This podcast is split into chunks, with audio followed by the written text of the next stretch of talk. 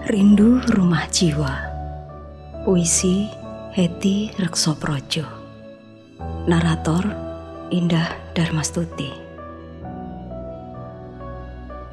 Tersembunyi di balik anak tekak. Deretan huruf yang merangkai sebagai namamu di benak. Tertimbun dalam tumpukan dan lipatan daging dan lemak jejak raja yang menggambarkan sebagai wajahmu yang kudus. Terpekuk dalam lekuk liuk dinding rawan yang membentuk ruang dengar. Sebuah dengung bersambung yang membunyikan kerinduan kepadamu. Di batin masih tersimpan rapi rahasia kenangan bersamamu. Sehingga tak mudah tersentuh bahkan dalam mimpi sekalipun.